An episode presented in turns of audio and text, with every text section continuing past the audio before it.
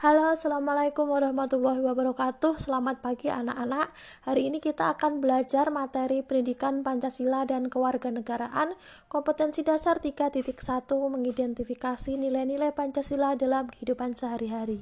Sebelum dimulai pelajarannya, mari kita berdoa.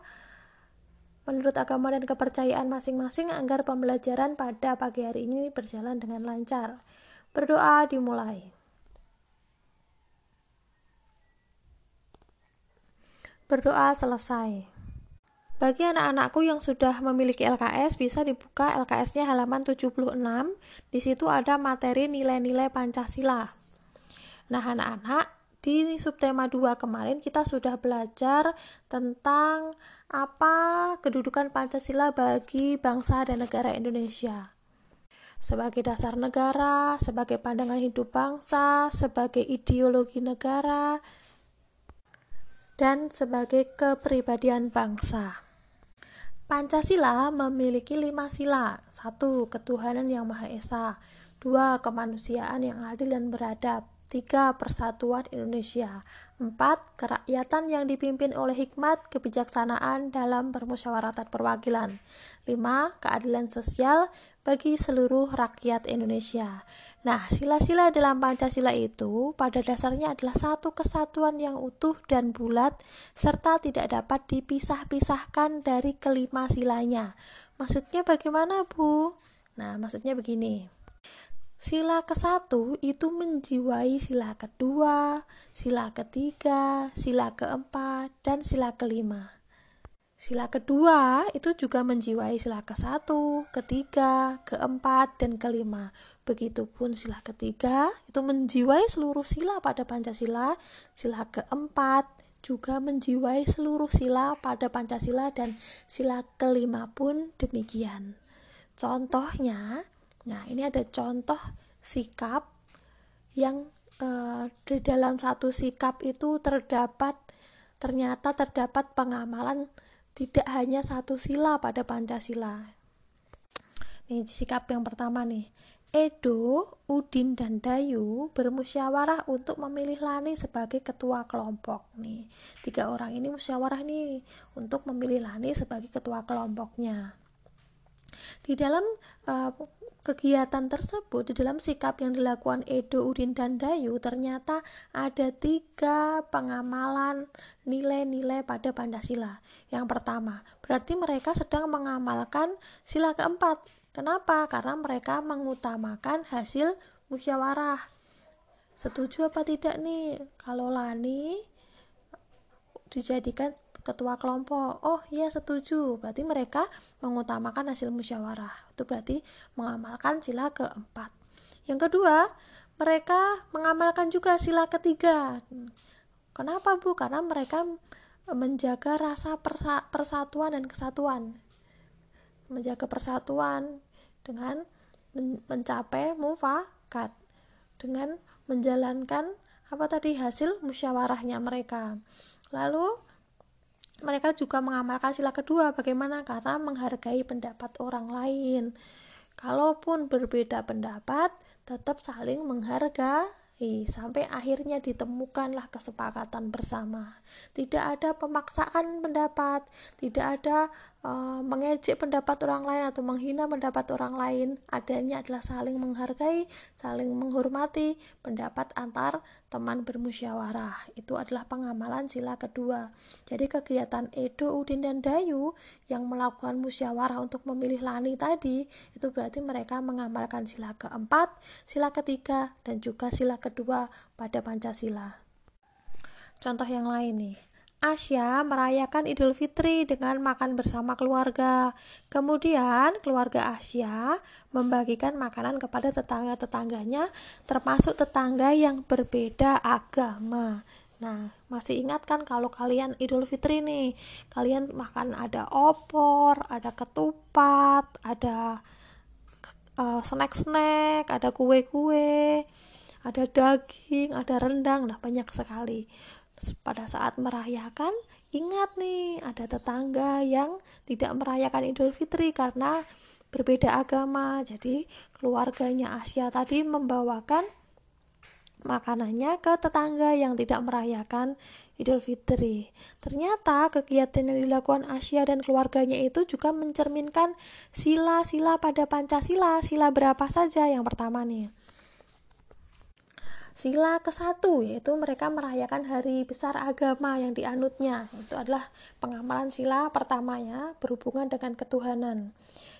Lalu toleransi antara umat beragama. Mereka membagikan makanannya kepada tetangganya walaupun berbeda agama itu adalah contoh toleransi itu pengamalan sila pertama juga lalu yang kedua yang ketiga adalah saling berbagi nah saling memberi itu adalah pengamalan sila kedua terus menjaga persatuan dan kesatuan dengan hidup rukun dengan tetangga dengan apa memberikan makanan kepada tetangga itu mencer, itu mencerminkan sila ketiga menunjukkan rasa persatuan dan kesatuan.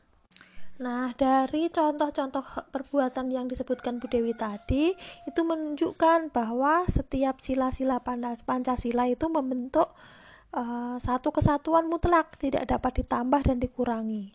Oleh karena itu, Pancasila tidak dapat diubah menjadi Trisila atau Ekasila.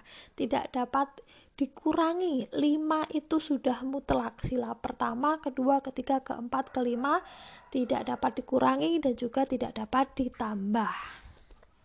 Nah, hari ini kita akan membahas salah satu contoh uh, pengamalan sila pada Pancasila yaitu pengambilan keputusan yang sesuai dengan nilai-nilai Pancasila yaitu dengan melaksanakan musyawarah untuk mencapai mufakat. Mufakat itu apa? Mufakat itu adalah kebulatan pendapat atau suara dari peserta rapat. Saat kita melakukan musyawarah lalu mencapai kesepakatan, nah kesepakatan itu sudah bulat dan disetujui oleh seluruh peserta musyawarah, maka kesepakatan itu disebut sebagai mufakat. Nah, lalu bagaimana jika musyawarah itu tidak mencapai mufakat atau tidak mencapai kebulatan pendapat? Maka yang harus dilakukan adalah melakukan voting, yaitu pemungutan suara yang dengan menentukan suara terba terbanyak sebagai keputusan bersama. Berikut ini adalah cara-cara dalam mengambil keputusan ya.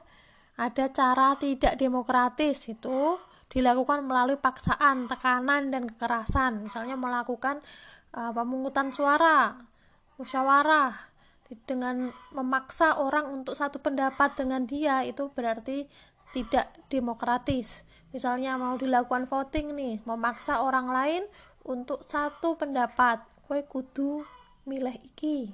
Kamu harus setuju dengan pendapat saya itu berarti tidak demokratis. Yang demokratis bagaimana? Yaitu dilakukan dengan rapat, musyawarah, dialog, pembicaraan bersama, rembuk nasional, diskusi dan sebagainya. Dengan cara yang jujur dan adil. Jurdil ya pengambilan e, keputusan secara demokratis dapat dilakukan melalui dua cara yaitu sebagai berikut yang pertama melalui musyawarah, rapat, diskusi, dialog dan lain-lain.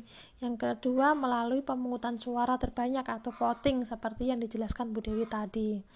Berikut ini adalah contoh-contoh keputusan bersama di lingkungan keluarga, di lingkungan sekolah, di lingkungan bersama, di lingkungan masyarakat, dan di lingkungan pemerintah.